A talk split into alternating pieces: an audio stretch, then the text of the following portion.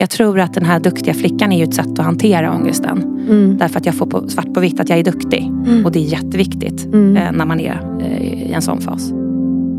Ja, just det här tror jag det finns ganska många som kan känna igen sig i.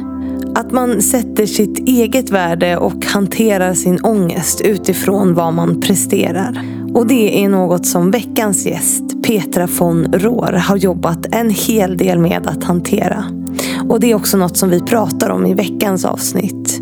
Hon har nämligen många gånger varit den där duktiga flickan som vi ofta pratar om. Vilket gett henne en del ångest genom livet. Men hon har några olika strategier och konkreta saker som hon gör för att hantera det. Vilket hon delar med sig av i veckans avsnitt.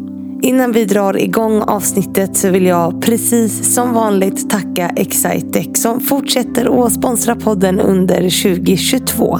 Vilket jag såklart är superglad för och ni också förhoppningsvis eftersom det gör att jag kan fortsätta producera Fannys förebilder.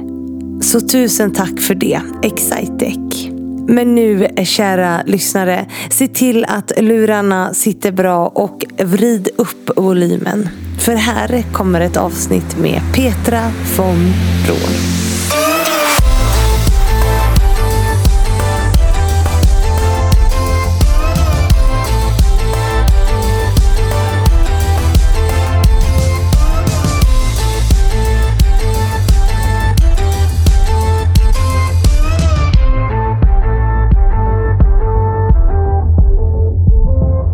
Men vi säger hej och varmt välkommen till Petra von Rohr. Säger man Rohr eller hur? Ja, helt rätt. Det är nästan som ett litet vrål så att säga. Det kan jag, man se. Jag ser en liten, en liten, höll på att säga, men en stor björn framför mig. Alltså det är roar. Så. Ja, exakt så är det. Har du fått höra det förut eller? Faktiskt inte. Däremot så säger de flesta ror. Aha, Och jag bryr mig inte jättemycket. nej. Men det heter ju rår om man ska vara noga. Petnoga. Var kommer namnet ifrån? Det är ett tyskt namn Ja. som jag fick när jag gifte mig med min man som heter Måns von Rohr. Ja, för då Mm. tänker man på att det är någon form av adels... Men är det någon adelssläkt? Är det... Ja, Ja. det är det. Det är en tysk adelssläkt. Okej. som är väldigt, väldigt gammal. Det har tydligen funnits det här namnet sedan 1100-talet. Och det var min svärmor som fick fly hals över huvudet under andra världskriget till Sverige. Okej. Mm. Och då, då har hon en eh, häftig historia Hon antagligen. har en jättehäftig historia. Jag kanske ska intervjua henne nästa gång. Ja, kanske. Har hon, var hon eh, liksom jude och flydde av den anledningen? Eller hur? Nej, utan hon, de bodde då utanför eh, Berlin och ryssarna kom helt enkelt. Så att Okej. hon fick kasta sig upp på en lastbil och fly hals över huvud. Mhm. Packa ihop det de kunde få med sig och eh, fly. Och sen Så- hamnade hon då på, till slut i Västtyskland. Så, och sen i Sverige. Mm. så intressant. Mm. Det är säkert en historia som är väldigt Mm. intressant att lyssna Den till. är jätteintressant. Kanske får koppla ihop oss sen. Ja, jag ska nog göra det tror Se jag. om lyssna, lyssnarna får skicka in meddelanden här om, de, om det är något de skulle vara intresserade av att lyssna till. Verkligen. Men varmt eh, välkommen hit i alla fall. Tack så mycket. Alla gäster brukar faktiskt få inleda med att presentera sig själva. Vem man är, vad man gör och sådär. Ja, Så jag tänker att du får börja så. Och sen tar vi oss vidare därifrån. Vi börjar så. Ja. Jag heter Petra von Rohr. Ja, precis. och jag är 49 år gammal. Jag har varit i näringslivet sedan jag var 23 så det börjar bli ett gäng år nu. Minst sagt. Jag började väl som väl, kanske den här klassiska duktiga flickan. Mm. Syndromet, gick natur, hade 5 och 0 och då var det bara tre alternativ som man kunde välja på. Det var Handels eller det var Carro, KI eller KTH. Och jag hamnade på Handels och gick det ganska så direkt efter skolan och gjorde det ganska snabbt. Så jag var färdig redan när jag var 23 och då började jag jobba som aktieanalytiker i London. Och sen har jag jobbat i en ganska mansdominerad värld i många, många år. Så att om jag kan dela med mig på något vis av mina erfarenheter och insikter och hjälpa andra så skulle det vara fantastiskt tycker jag. Men sen har du varit inom finansvärlden och du har varit på Comhem och du har varit inom kommunikationsbranschen. Du har liksom vandrat runt i ganska höga positioner inom... Vad var det du gjorde på Comhem? På Comhem var jag, eh, jag satt i ledningsgruppen och jag ansvarade för intern och extern kommunikation. Och för hållbarhet och för investor relations och alltså public affairs. Det är ju superintressant. Mm. Hur hamnade du där? Jag hamnade där för att jag var partner på Kreab innan och där Mm. jobbade jag med både finansiell kommunikation och framförallt mycket med att hjälpa bolag att hitta sitt purpose som jag tror ändå måste vara utgångspunkten i all kommunikation. Varför finns vi här? På vilket sätt vill vi göra skillnad? Och det är egentligen grunden i allt man gör. I produktutveckling, i kommunikation, i hur man rekryterar människor. Så att jag blev egentligen headhuntad därifrån till kom hem i samband med att de skulle börsintroduceras. Vad var det som lockade dig till Handelshögskolan? Du sa att det bara fanns några val. Jag hade bara tre att välja på. Men det måste ju funnits fler skolor liksom. Eller du hade Ja, någon form ja. av lockelse till att ta dig in i näringslivet eller? Alltså egentligen inte. Därför att min plan var nog egentligen faktiskt att gå, eh, bli läkare. Eh, Det Aha. var därför jag hade gått natur lite grann. Mm. Men sen hade jag tänkt att ta en paus mellan gymnasiet och universitetet. Men så sa min mamma, men kan du inte söka någonting i alla fall? Tänk om du inte hittar på, kommer på något vettigt att göra direkt efter. Så har du någonting i alla fall. Och då råkade Handelshögskolan hamna överst. Det var absolut ingenting som jag hade drömt om sedan jag var 12. Vilket väldigt många på Handels har. Väldigt många har drömt om det där sedan de var 12. Det var inte jag. Jag visste knappt vad det var när jag började. Men Nej. jag tänkte att jag går hit och kollar vad det är. Och sen trivdes jag jättebra. Men för Handels har ju också ett rykte av sig att vara ganska mansdominerat och ganska liksom eh, macho eller vad man ska säga. Eller har Ja. jag fel? Ja, nej, jag tror att du har helt rätt i det. Jag tror att det har blivit mycket bättre sen Mm. jag gick där. Men när jag gick där, jag började 91, då tror jag faktiskt, jag ska inte ta gift på den här siffran, men jag tror att det var ungefär 20-25 procent tjejer bara. Mm. Så det var verkligen mycket mindre tjejer. Jag tror att det är en helt annan situation idag. Det är Mm. mer, mer tjejer. Men eh, det är det ju. Det är ju liksom det är en ganska tuff miljö eh, på många sätt. Men Hur gav det väldigt, sig väldigt uttryck för dig? För jag tänker de flesta vill ju liksom in på typ McKinsey och eller hur? De som Ja. har, var det så Ja. på den tiden också? Eller? Absolut. Alla skulle till London. Ja. Och då skulle man antingen jobba i finans eh, på någon stor bank eller så skulle man jobba på McKinsey eller någon av managementkonsultfirmorna. Mm. Helst i London. Och jag var som sagt var, jag var 23 år när jag var färdig. Jag hade ju ingen, det är väldigt svårt att fatta vad skillnaden är på Ja. banking och managementkonsulteri egentligen. Vi hade ju väldigt fördel på Handels var att vi hade mycket företagsbesök. Så man fick ju ganska bra koll ändå tror jag jämfört med många andra kanske. Därför att vi fick träffa folk från de här olika branscherna, olika företagen som kom och presenterade sig och ville locka över handelsstudenter. Men fortfarande var det så att man har ingen aning. Jag bara hängde med strömmen och tyckte att det där med London lät ju bra och finans, det är nog bra för jag gillar ju siffror. Mm. Ja, du gillar siffror. Ja, jag gillar siffror. Jag är så här, åh, jag tycker det är jättejobbigt. Men jag gillar ju liksom både siffror och färg och form och kreativt tänkande. Och jag, jag tycker liksom att det, det behöver inte vara antingen eller. Nej. Jag tycker att det där är väldigt spännande ihop. Är du duktig på Excel-ark? Jag var väldigt duktig på Excel-ark när jag var, jag var aktie- aktieanalytiker så då var Ja. man ju tvungen att vara duktig på det. Ja. Så det sitter väl lite i. Men jag, är, jag tror inte att folk säger Petra det är hon som är så bra på Excel. Det, det tror jag inte någon har sagt. Det, det tänker man inte på idag. Liksom. Nej. Det med aktier är ju superintressant. Jag har precis börjat med det, alltså privat. Ja, kul. Och investera i aktier. Ja. Det är ju otroligt viktigt och framförallt väldigt viktigt för kvinnor att äga och investera pengar i aktier. Verkligen. Men du hamnade där av en slump. Det var liksom inget intresse som du hade. Att du... Nej, och jag kommer inte från en bankingfamilj Nej. heller. Utan mina, min familj är väldigt mycket mer naturvetenskapligt Mm. orienterad. Med ingenjörer och kemister och sådär. Så att nej, det var, vi har liksom inte någon sån del i vår familj som jag hade som förebild. Så att det var lite faktiskt på ett bananskal. Men Mm. bra tycker jag. Bra bananskal som jag hamnade på. Ja, ja men precis av slumpen för att just pengar är så otroligt viktigt. Ja, Och ägandeskap. ja. Och det är ju någonting som, som är, apropå det som du ägnar dig åt på dagarna, att där har vi ju en jätteutmaning att få in fler kvinnor att våga börja äga. Våga starta bolag eh, och våga investera i bolag. Mm. Ja, vet jag inte om det hänger så mycket på, om på mode egentligen. Eller om det handlar mer om kapital och liksom kvinnors förutsättningar att investera i aktier. Jag tror nog att det är ganska mycket mod faktiskt. Därför att de flesta börjar ju inte med en jättestor säck pengar. Och så bara går de in och investerar. Utan inte män heller. Utan man måste alliera sig med rätt personer och våga visa vad man vill. Mm, mm. Och det tror jag killar kanske är lite har en större vana och fler förebilder som har gjort än vad, än vad kvinnor har. Ja, förebilder är ju avgörande. Mm. Alltså, det är ju inte en slump att podden heter Fannys förebilder. Nej. På det sättet. Nej. Eh, Det är ju jätteviktigt att se att det går att äga och liksom starta bolag och sådana där saker. Absolut. Mm. Men vi ska prata mer om liksom, din tid i finansbranschen och sådär. Men jag vill Mm. ändå backa tillbaks ännu mer till vem du är. Mm. För jag vet att eh, i och med att du kom genom en eh, PR-byrå så fick jag lite information såklart om dig innan. Ja. Att du alltid har velat vara väldigt självständig. Att du flyttade hemifrån som 19-åring och sådär. Ja. Vill du berätta mer om den Ja. historien? För jag tycker att den är intressant ja, jag har ju funderat mycket på det själv eh, och funderat på varför är det så? Varför vill jag liksom varför vill jag ut och varför vill jag inte vara beroende av någon och sådär. Jag tror att delvis är det nog en personlighetsfråga. Vissa är bara så. Jag ser det på mina söner. Jag har två pojkar. Den ena är väldigt sugen på att ge sig ut och bli självständig. Medan den andra tror jag absolut också är sugen på att bli självständig men inte lika bråttom.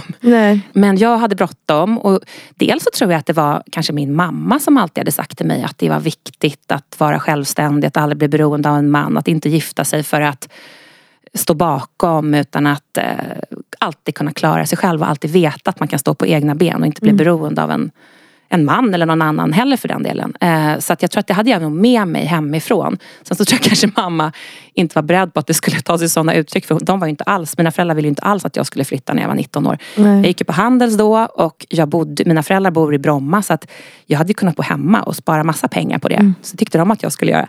Men jag, nej men jag, jag, ville liksom, jag ville bli vuxen, jag ville vara självständig och eh, samlade ihop varenda korvöre själv faktiskt till min första lägenhet. Så att jag har liksom alltid gjort allting själv också.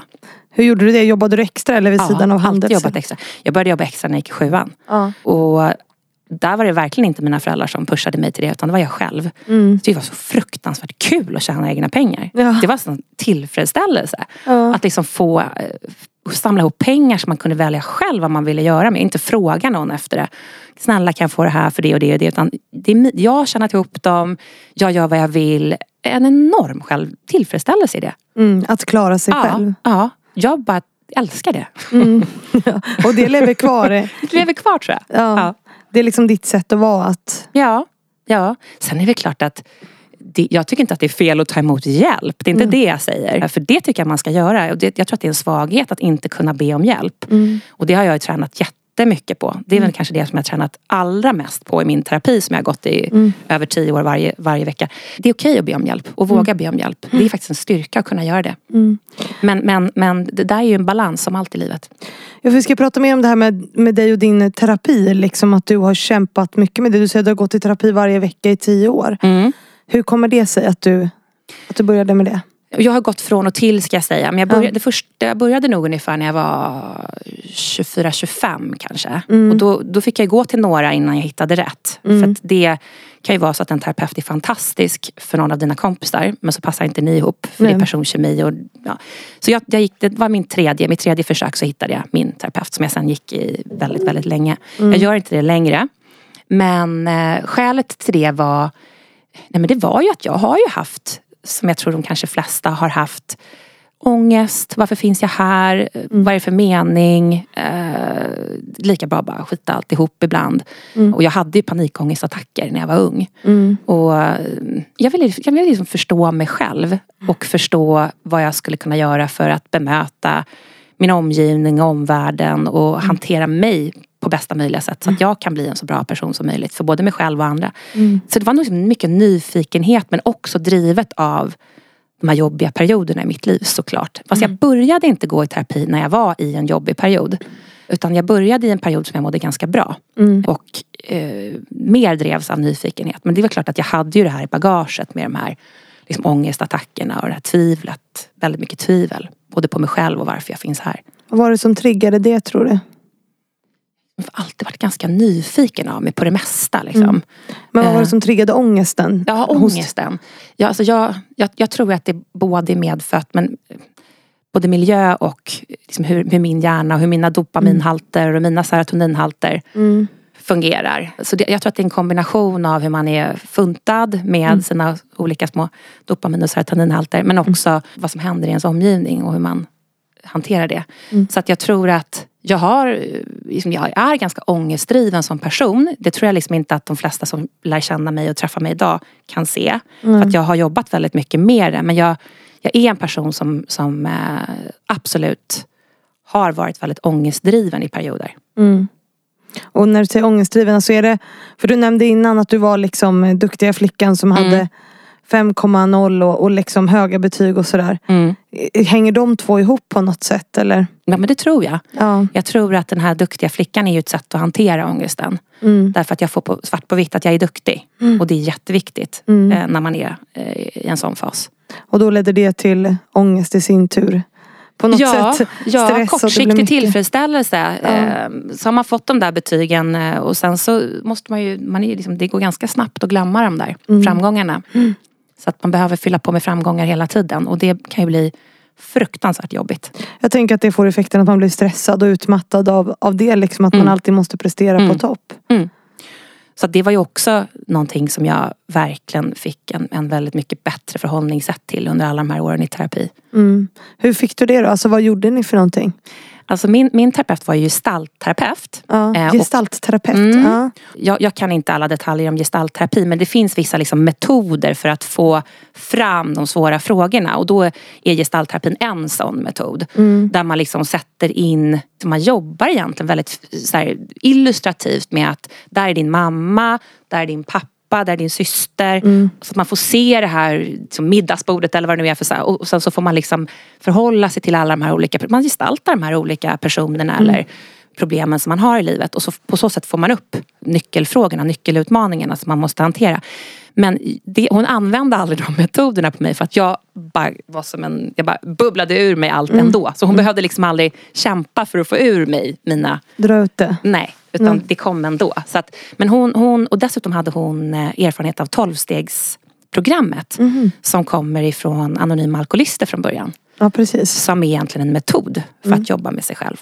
Och som hon jobbade med, kanske lite grann i bakgrunden med alla. Därför att det är ju ett, beroendeproblematiken handlar ju inte bara om alkohol och kemikalier. Nej. Utan det är ju beteendeberoenden också som arbete och träning och mat och relationer och, och sådär.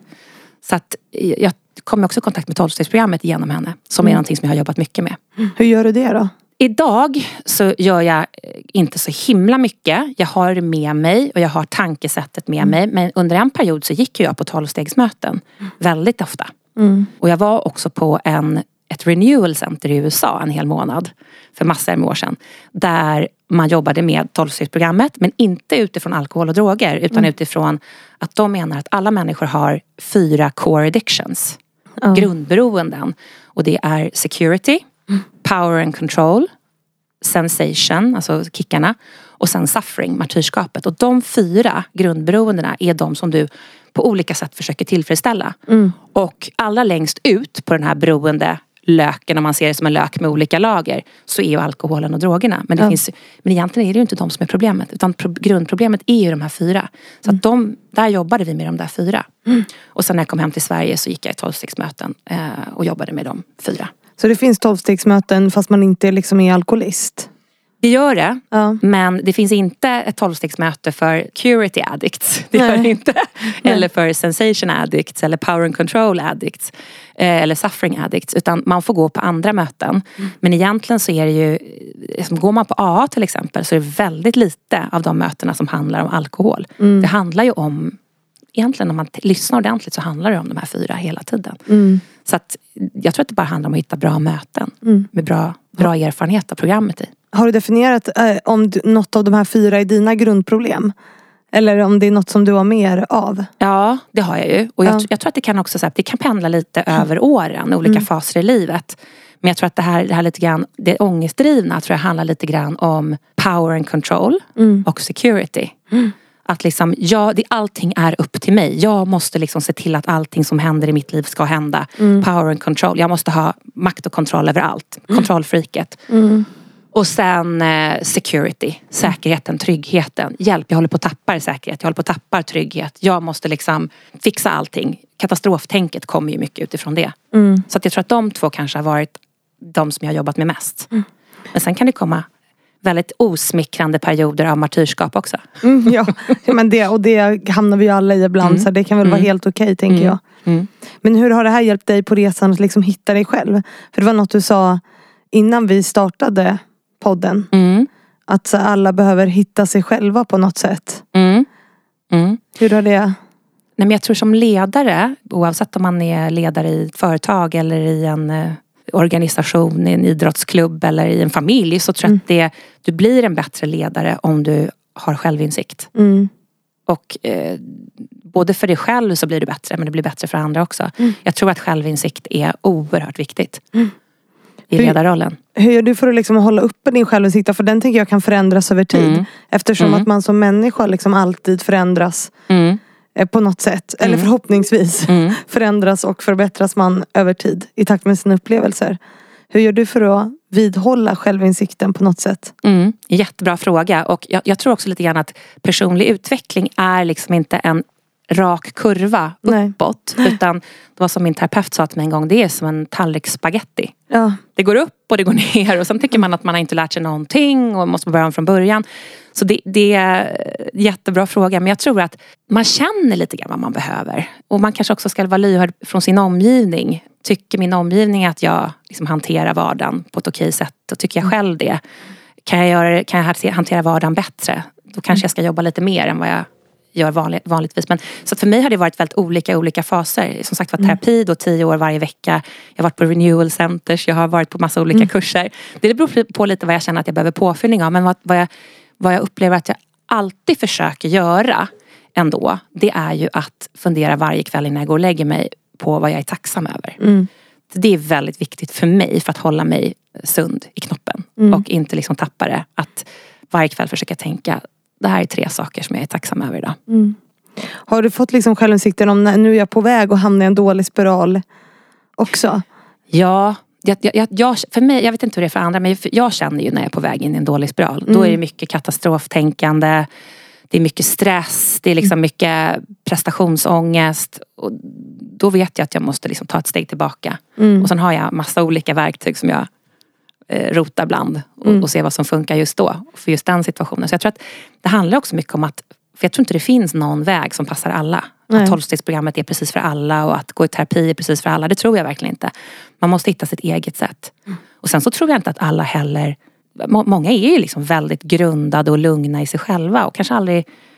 Men all, alla behöver inte rota i sig själva som jag har gjort. Det tror jag inte. Jag behöver det. Vill du ge något exempel på vad du plockar fram för verktyg? Alltså när du känner att nu är det på väg. Mm.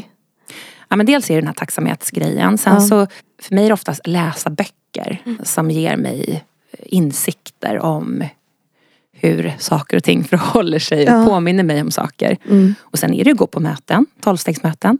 Det är otroligt härlig påfyllning. Mm. Så man, men, och det kan man bara gå på? Ja, det Hos- finns öppna ja. möten som alla får gå på. Så att eh, det är helt, eh, helt möjligt för alla. Mm. Fast man inte är alkoholist liksom? Ja.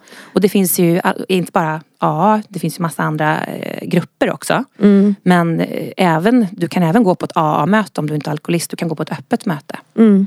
och vara med. Och då kan man välja om man vill dela eller om man bara vill lyssna. Jag tänker att det är enormt viktigt att prata om psykisk ohälsa överlag. Mm. Så att det inte blir så stigmatiserat. För att jag, eller tror, alltså det är ju så att människor mår mycket sämre där ute än vad man tror. Mm. Och kvinnor överlag är ju mer stressade, liksom sjukskrivna på grund av stress. Så jag tänker att det är otroligt viktigt att man liksom delar med sig av det. Mm. Och pratar om det. Mm. Eh, och ger verktyg. Eh, så att det inte är så svårt. Eller liksom, Mm. Så att det inte blir skämmigt att prata Ja. om psykisk ohälsa. Ja. Och jag tror att det är precis som det som du säger, att bara, det är också ett verktyg. Mm. Att prata om det. Du behöver inte prata med en terapeut, du kan prata med din kompis Mm. eller med din arbetskamrat. Eller, för mig i alla fall som är en extrovert person så löser jag väldigt mycket när jag pratar Ja. Mm. med någon annan. För jag får bra frågor och jag eh, hör mig själv lösa grejerna. liksom, Ja. tillsammans med någon annan. Jag är precis likadan. Så fort det är något så ringer jag. Då har jag några personer som jag liksom ringer för att, Ja. för att bolla och komma fram till lösningen. Och för mig räcker det väldigt ofta. Alltså för att bryta någonting som man mår dåligt över eller vad det är ett problem man har. Mm. Att bara ringa någon och berätta att det här är jobbigt eller jag behöver hjälp med det här. Och så. Men, Bara det har höra sig själv uttala det är ett jätte, jätteviktigt verktyg. du, men det har du fått träna på att be, hjälp, be om hjälp sa du? Ja, det, Mm. det var ju någonting jag lärde mig väldigt mycket i min terapi. Att det, det är viktigt att kunna be om hjälp och Mm. våga be om hjälp. Och det, är inte, det, det betyder inte att man är dålig själv. Så att jag är väldigt, tror jag i alla fall idag, väldigt prestigelös i det. Jag, Mm. att jag, jag är inte rädd för att be om hjälp. Och sen, sen ja, tillbaka till ett, ett viktigt. Jag har ju en syster också som är ett år yngre än vad jag är. Mm. Som är min, vi är väldigt olika.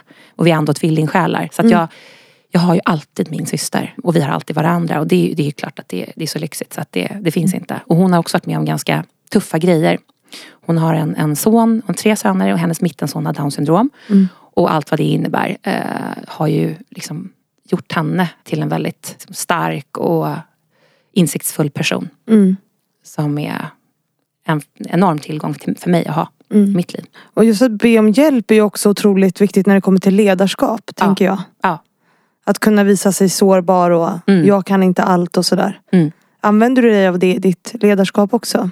Ja, jag, jag, jag, i och med att jag sutt- jobbat i stora bolag också. Nu gör jag ju inte det, nu är jag entreprenör. Men jag har jobbat i stora bolag och då får man ju göra såna här då är det mycket de utvärderar che, chefer och såna här saker. Så jag har ju fått väldigt mycket som svart på vitt feedback i mitt ledarskap eh, genom åren. Och då, då är ju det en av de sakerna som jag ofta får höra. Att jag är ganska bra på att lita på människor och våga delegera saker. Mm. Sen är jag ju jättejobbig om jag inte är nöjd med vad jag får tillbaka. Men, men jag är inte inne och pillar i detaljer. Vad får du för negativ feedback då? Om man ska, kalla- Ja. Eller negativ feedback. Ja. Jag gillar ju eh, det i och för sig. Ja. Men, men Ja. alltså, jag gillar ju feedback överlag även om det inte är alltså, både positiv och negativ. Tycker jag. Det är det enda sättet man kan utvecklas. Ja, vad får du höra för någonting då som inte är som folk tycker att du kan bli bättre på kan vi säga istället för negativ? Ja, nej men det, och det är ofta otålighet. Mm. Att jag vill springa lite för fort och att jag kanske har sprungit lite för fort för att alla ska känna att de hänger med. Mm. Så att det är tålamod som jag måste träna på. Mm. Har du gjort det? Eller hur? Och hur har du gjort det i sådana fall? Nej men jag, jag, jag är inte jättebra på det. Jag försöker verkligen. Men jag, ibland kan jag också tänka att kanske får vara så. ja. Jag kanske, det kanske får vara så. Att jag, är, jag har dåligt tålamod och jag, jag springer lite för fort. Jag är medveten om det. Jag försöker hantera det. Men jag tror att jag, jag kommer nog aldrig bli motsatsen. Men jag kan, jag, nej, Man kan träna på Ja, det på man något kan sätt. träna på det. För att det där kan jag vara jag är också ganska sådär liksom snabb och Mm. Men att man får träna upp det på något sätt för att oftast hänger ju folk inte med. nej. Alltså jag till exempel kan ju ha kommit på en idé och sen så säger jag den och då, då är det som att för mig är det klart men för någon annan som har liksom inte hängt med. Så där, det där måste man ju träna på tänker jag att liksom Där, där är involvera vi lika folk. låter det som. Ja, nu har inte jag några under mig så att jag, är ju, jag är ju ensam liksom så jag kan ju springa Skönt, du behöver inte Nej vänta. precis. Jag kan springa hur jag vill. Jag har en praktikant nu faktiskt och då får jag träna på, på det. Att inte eh, springa för fort eller att liksom inkludera henne och sådär. Mm. Men det är en del av självutveckling tänker jag. Så vet man om vad man är, inte är så bra på. Eller vad man är lite sämre på, vad man har för svagheter. Så kan man ju liksom jobba med dem på något sätt. Apropå vikten av självkännedom. Ja men För vet man inte det, då har man ju inte ens någon chans att försöka Nej, eh, lösa det och hantera det. nej så är det ju. Mm.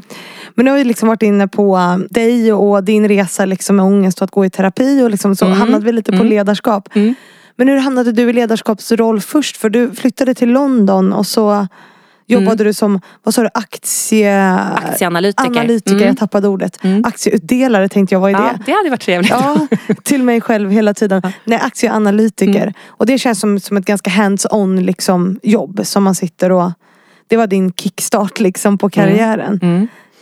Och det var ju då väldigt länge sedan. Det Ja. var 90, jag började jobba i London 90, precis i början av 95. Mm. Och då Alltså det är så konstigt att tänka så men då fanns ju knappt internet. Nej, Jag hade ingen mail ens en gång. nej. Vi hade, vi hade datorer men där fanns ju inget internet. Där var ju liksom Word och Excel. Ah, ja, ja. Fy sjutton.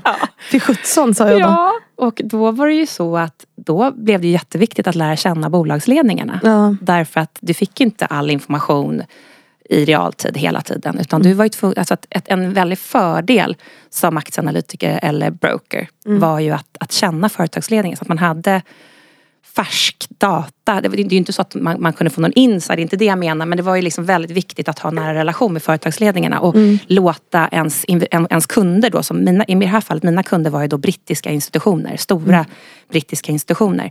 Att ta med svenska bolagsledningar, norska, danska, finska och träffa dem. För att ha möten kring vad som händer och vad som pågår i bolaget. Och sen eh, hålla de investerarna i handen i, i besluten om man ska investera eller inte, om man redan är där, om man ska behålla eller sälja.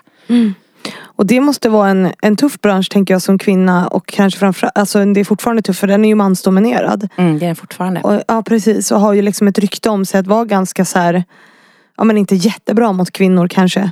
Det jag har hört. Hur var det för, för dig? Jag tänker där på toppen och ta dig in och liksom. Det är klart att jag, jag var ju nästan alltid den enda kvinnan mm. i eh, den affärsdrivande sidan. Mm. Därför det finns ju kvinnor i bank och finans men de är ofta backoffice och har mer administrativa roller medan ofta männen som har de affärsdrivande säljande rollerna. Så att jag var ju ofta ensam som kvinna. Dessutom var jag ju jätteung. Så att det var ju alltid folk trodde att jag var sekreteraren och sådär. Det gör inte mig så himla mycket om de tror det. Det, det är liksom jag, jag, jag, jag, tycker inte att det är någon, någonting som jag blir ledsen av eller dras ner av. Det fanns vissa nackdelar. Det hände några grejer som faktiskt var riktigt dåliga, elaka mm. mot mig för att jag var kvinna. Men jag väljer ändå att se de fördelarna som jag hade. Därför att jag stack ju ut också. Folk kommer ju ihåg mig. Om du är van som investerare att det kommer in ett gäng eh, unga killar i kostymer dagarna ända. Och helt plötsligt så kommer en jätteung tjej med röd dräkt. Ja men då kommer du ju ihåg henne. Så att jag, jag, jag upplever ändå att jag hade ganska mycket fördelar av det. För att jag mm. blev ihågkommen. Så att, och det tog sig uttryck att jag till exempel blev rankad som tredje bästa analytiker på retailsektorn. Mm. I Europa av Reuters. Ingen på mitt kontor då blev rankad förutom jag. Och jag är ganska övertygad om att jag absolut inte var den tredje bästa analytikern på retail i Europa.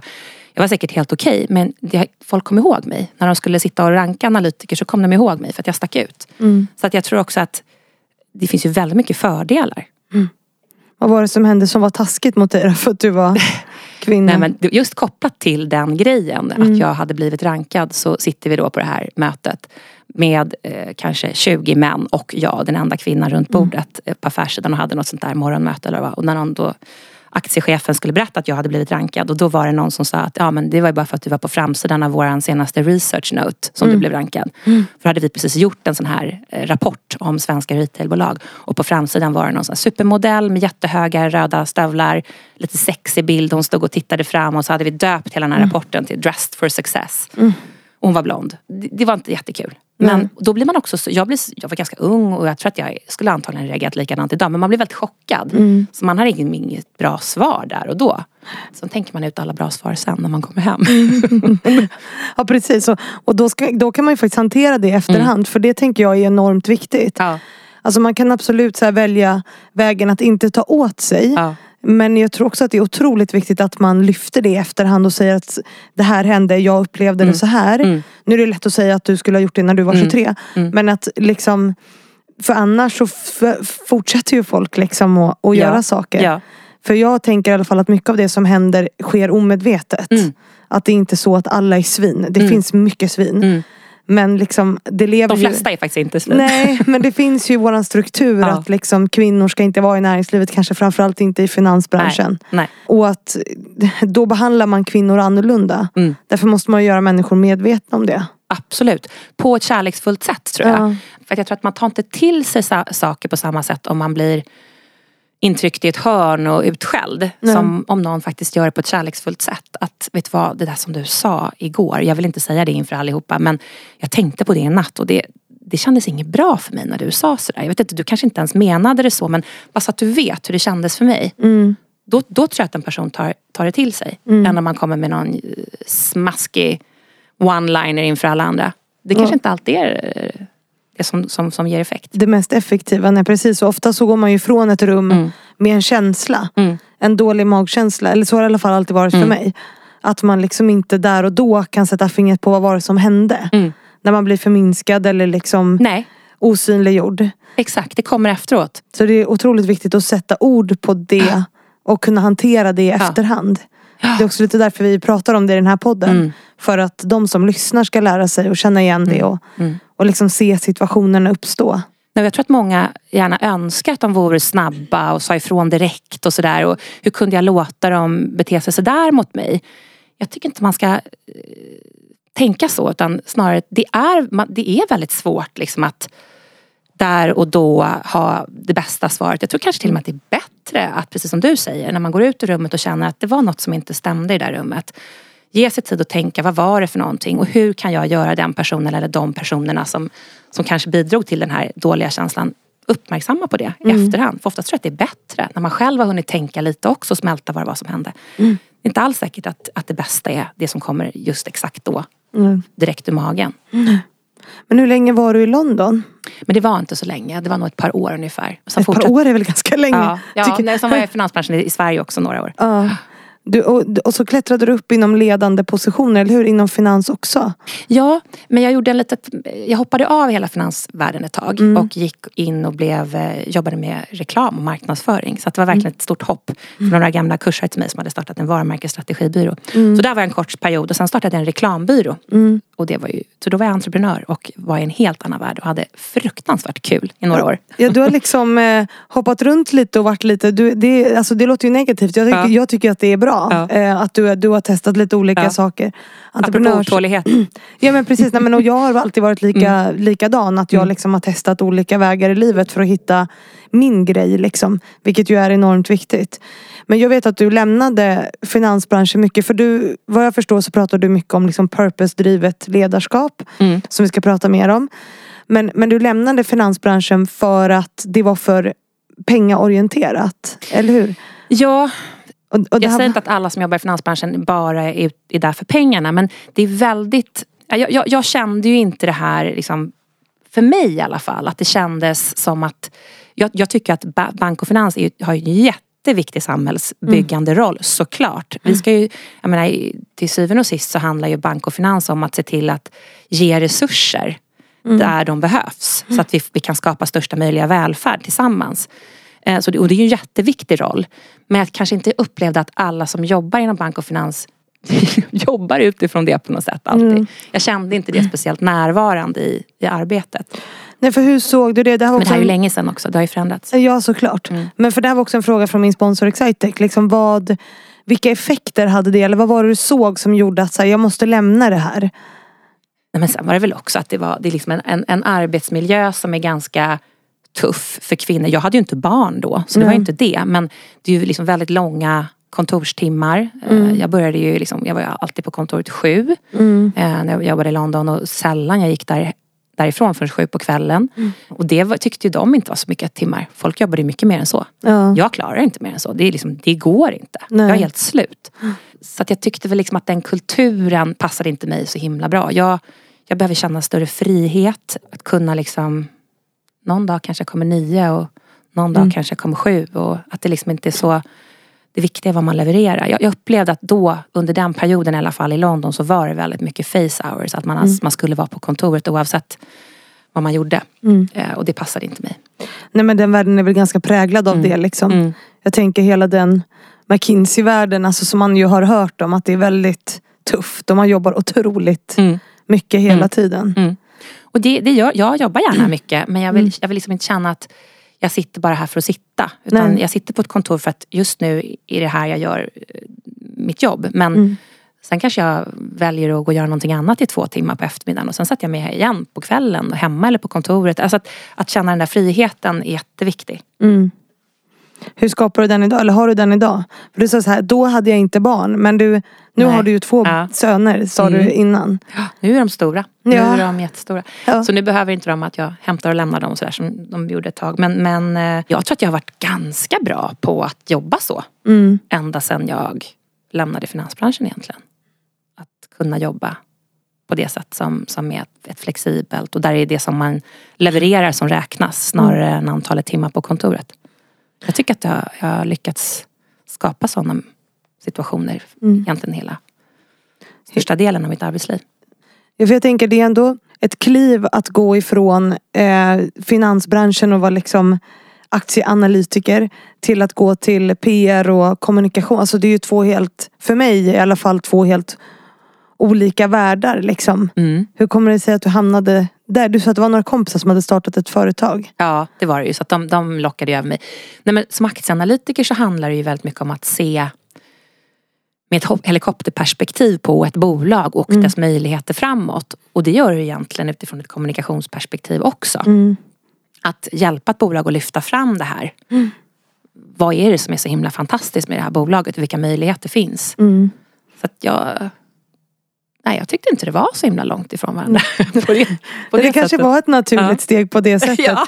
Det kanske bara är i min värld som det Fast nu när du säger det så, så är det ju faktiskt kanske inte så långt steg ändå.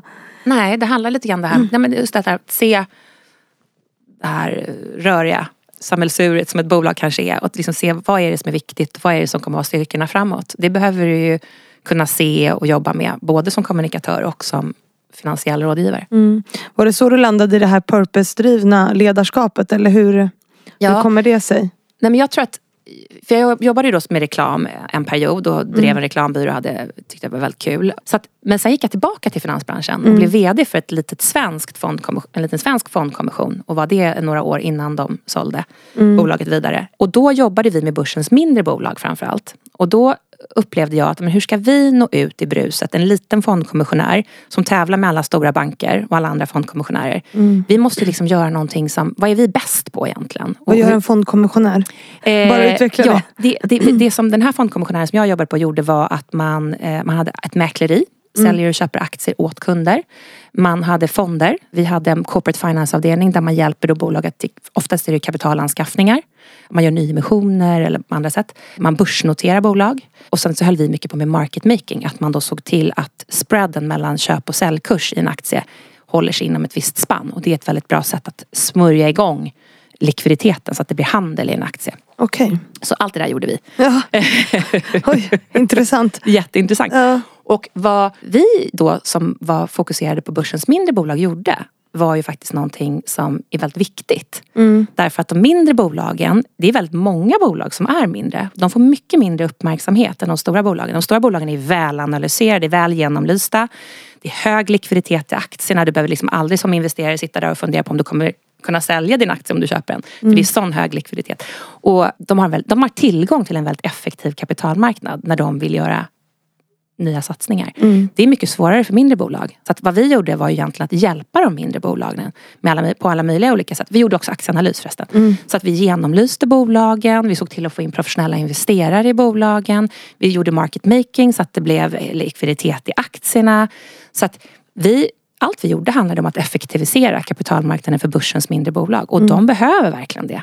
För de har inte den tillgången på samma sätt som de stora. Och då började vi liksom prata och kommunicera utifrån det.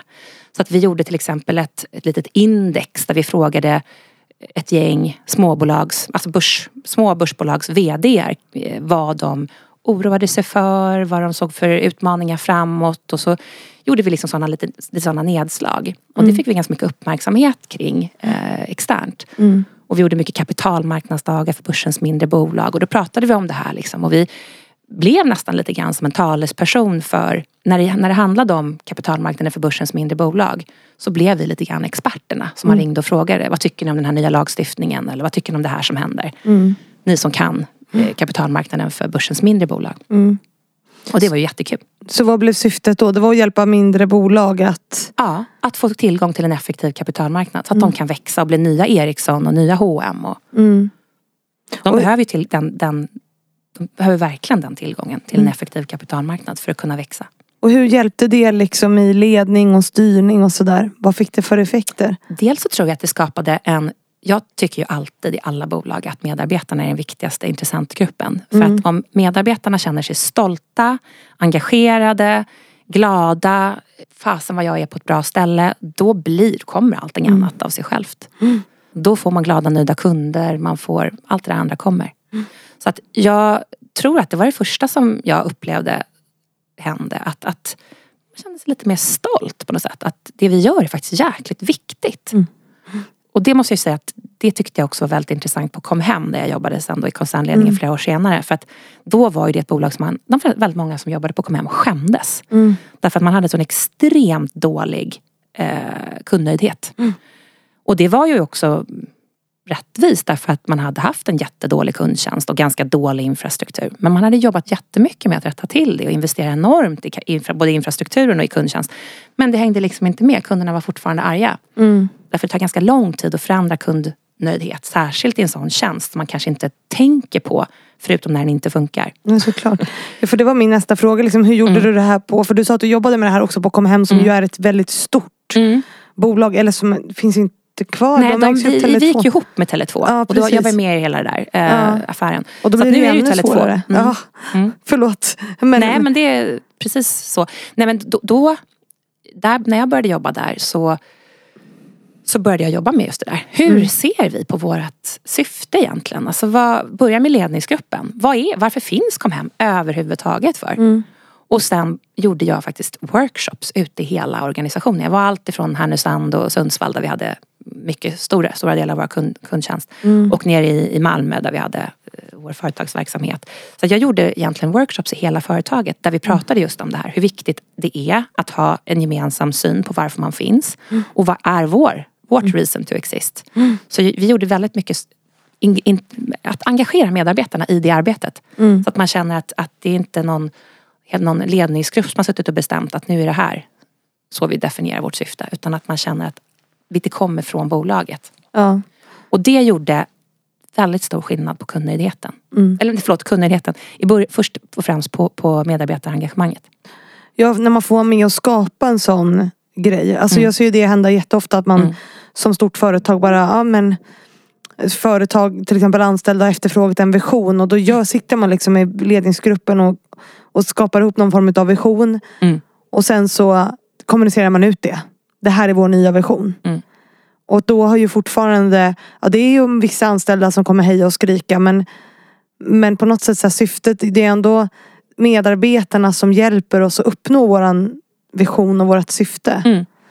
Så jag tänker att ja, det måste ju haft en jätteeffekt på, på medarbetarnöjdheten och i förlängningen då kundnöjdheten. Eller du Ja. kanske inte hann se det resultatet? Jo, det, vi, vi mätte ju allt, allt, allt, allt. Ja, NPS, Net Promoter Score. ja Eh, både för medarbetare och för alla kunder och i olika tjänster och allt sånt där. Så att, Mm. jo, det, det hände ganska mycket. Och jag säger inte att det bara var för att jag gjorde det här arbetet med purpose. Det var ju Nej. en del naturligtvis. Vi investerade ju enormt i vår kundtjänst, i våra tjänster och i vår infrastruktur.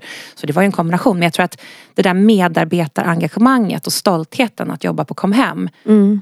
Var ganska stor. Det var ganska, en ganska stor förklaringsvariabel i alla fall. Det här arbetet som vi gjorde kring purpose. Att alla började känna stolthet. Och sen så är det ju inte bara att liksom definiera det där purpose. Att nu är det det här som är vårt syfte.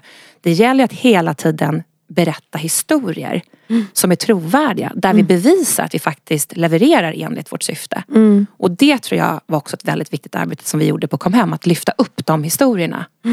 Kan du ge något exempel på hur ni gjorde det? Ja, nu hann vi liksom aldrig, det, det, var, pågick nog lite för kort för att det skulle bli känt så. Men vi, vi tog fram någonting som vi kallade för Comhems digitala livskvalitetsindex Ja. tillsammans med SIFO. Då frågade vi svenska folket, vad är, hur mår du digitalt helt enkelt? Så att det var en massa olika frågor som vi då sammanvägde i ett index. Och där kunde vi då berätta att så här mår Sverige digitalt. Det här är det som svenskarna oroar sig för, det här tycker de är svårt, det här tycker de är viktigt. Då kunde vi som, som kom hem liksom berätta de här historierna och också ha lösningar. Mm. Till exempel integritet, en jätteviktig fråga. Vad kan vi göra för att kunderna ska slippa oroa sig så mycket för det här? Jo men då kan vi göra det här. Mm. Eh, så att, och det där var ju jätteviktigt att kunna berätta om internt också. Så här mår, mår Sverige. Det här, har vi, det här är våra utmaningar för att få Sverige att må bättre digitalt. Mm. De här grupperna har halkat efter. Eh, föräldrarna oroar sig mer än andra. Vad kan vi göra för att hjälpa föräldrar? Så det liksom, vi, vi, skapade liksom eh, historier kring hur, och inte bara historier utan att konkreta agerande utifrån, Utifrån vårt det. purpose. Mm. Mm. Mm. Men och nu är du VD på Biocool, eller hur? Mm. Hur kommer det sig? För nu är du ju också entreprenör. Liksom. Du har gått ifrån det. Var, var var du emellan kom hem och där du är nu? Eller är det... Ja, Det kommer direkt. Du kom direkt från kom hem. Så jag lämnade kom hem i samband med att vi, vi, eh, vi, vi kommunicerade i affären med Tele2. Ja. Och sen var jag kvar under hela den resan när vi stängde affären. Och sen så bestämde jag mig redan då när vi kommunicerade affären att jag Mm. skulle sluta den dagen som affären stängdes. För då kände jag lite grann att då har jag gjort mitt. Ja. För då började det lite grann om från början igen. ja, men precis. Eh, när vi var ett än- ännu större och nytt, Mm. nytt sammanhang. Så att jag kände att jag hade gjort mitt och hade nog tänkt vara ledig en liten period där Mm. emellan. Så hade jag en kompis som eh, precis hade investerat i det här bolaget då, i Biocool. Mm. Och hon tyckte att jag vill att du ska vara med mig och göra det här ihop med mig. Och det är ett litet medtech-företag Mm. eh, med ett, en rad fantastiska produkter. Medicintekniska produkter och kemiska produkter. Men, och det är en fantastisk entreprenör som har startat det här. Men han är uppfinnare. Mm. Han är grym på att komma på idéer. Men kanske inte världens bästa företagsbyggare när det gäller sälj organisation och sådana saker. Så att jag skulle vilja göra det här med dig. Mm. med dig som VD. Och då var jag lite såhär, nej jag, jag, jag ska vara ledig, jag behöver liksom en paus. Andrum, jag jobbade väldigt mycket på Kom hem. Alltså det var Ja. väldigt mycket. Så att jag behövde vila tänkte jag. Mm. Men sen så, ja, så var det inte så himla kul att vila. Nej, precis. Du som har så bra tålamod och sådär. så bra tålamod. Nej men jag, det, jag tror att det är jättebra att ta pauser. Ja. Men jag tror också, för mig i alla fall, så är det viktigt för mitt välmående att jag känner att jag gör vettiga saker på Mm. dagarna. För mig är det liksom viktigt för mitt välbefinnande att känna att jag åstadkommer saker som gör skillnad på dagarna. Mm. För mig blir det svårt. Man kan hitta på saker som gör skillnad utan att arbeta livet ur sig. Mm. Absolut. Men för mig är det, det är ett trick. Att, att känna att jag gör saker på dagarna som är meningsfulla. Jag mår bra av det. Mm. Så att, och det här kändes ju så meningsfullt. Därför att de här produkterna, då, de medicintekniska produkterna handlar om trasig hud kan man väl säga Ja. sammanfattningsvis. Det handlar om athlete's foot, så det är fotsvamp och hälsprickor och förhårdnader. Det är psoriasis, det är akne, den typen av, av hudproblem. Och ett, en väldig massa kunder eh, som verkligen har fått en livsförändrande erfarenhet av de här produkterna. Så att man behöver inte fundera och gräva så djupt liksom, på vad är det här bolagets purpose. Utan det, det, är, det är ju väldigt, väldigt obvious att vi, vi gör stor skillnad för människor som har problem med sina fötter eller med sin hud. Mm. Och huden är vårt största organ. Ja, Vår viktigaste försvarslinje mot infektioner. ja. ja, det känns ju eh, avgörande. Ni måste ha haft mycket att göra under corona. Eller fanns det innan corona? Ja, alltså grejen är att bolaget grundades 2012. Så att vissa produkter har funnits ända sedan dess. Sen har det kommit en ny lagstiftning inom medtech-området som, som trädde i kraft faktiskt i år, i, i våras. Och det har ställt väldigt mycket större krav på dokumentation och ISO-certifieringar och så vidare.